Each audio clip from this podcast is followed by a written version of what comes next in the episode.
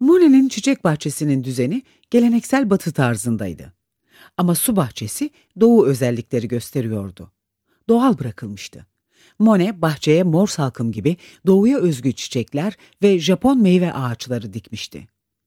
Göletin berrak suları ve 1893'ten sonra yaptırdığı Japon köprüsüyle Monet'in bahçesi ona ilham veren huzurlu bir yerdi. Bu büyük boyutlu resimde Monet'in Japon köprüsüne 1905'te bir çardak ekledikten sonra diktiği salkımın bir dalını görüyoruz. Salkım yavaş yavaş büyüyecek ve Japon köprüsünü üstte beyaz, altta mor salkımlarla örtecekti. Tablonun kompozisyonu ortalanmamıştır. Bu anlamda resim Japon sanatının bazı yönleriyle benzerlik gösterir. Gerçekten de kompozisyon tuvalin sağ üst köşesinden başlayarak aşağıya ve sol üst kısma doğru gelişir, böylece tabloya bakanın gözü salkımın gittiği tarafa yönelir. Dal, arka plandaki göğün boş maviliği önüne gerilmiş bir perde gibi tuvalin kenarına iliştirilmiştir.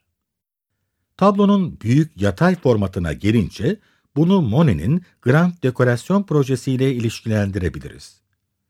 Mor salkımı önce göleti ve salkım söğütleri betimleyen dev panoların tamamlayıcı bir ögesi olarak görmüş olabilir.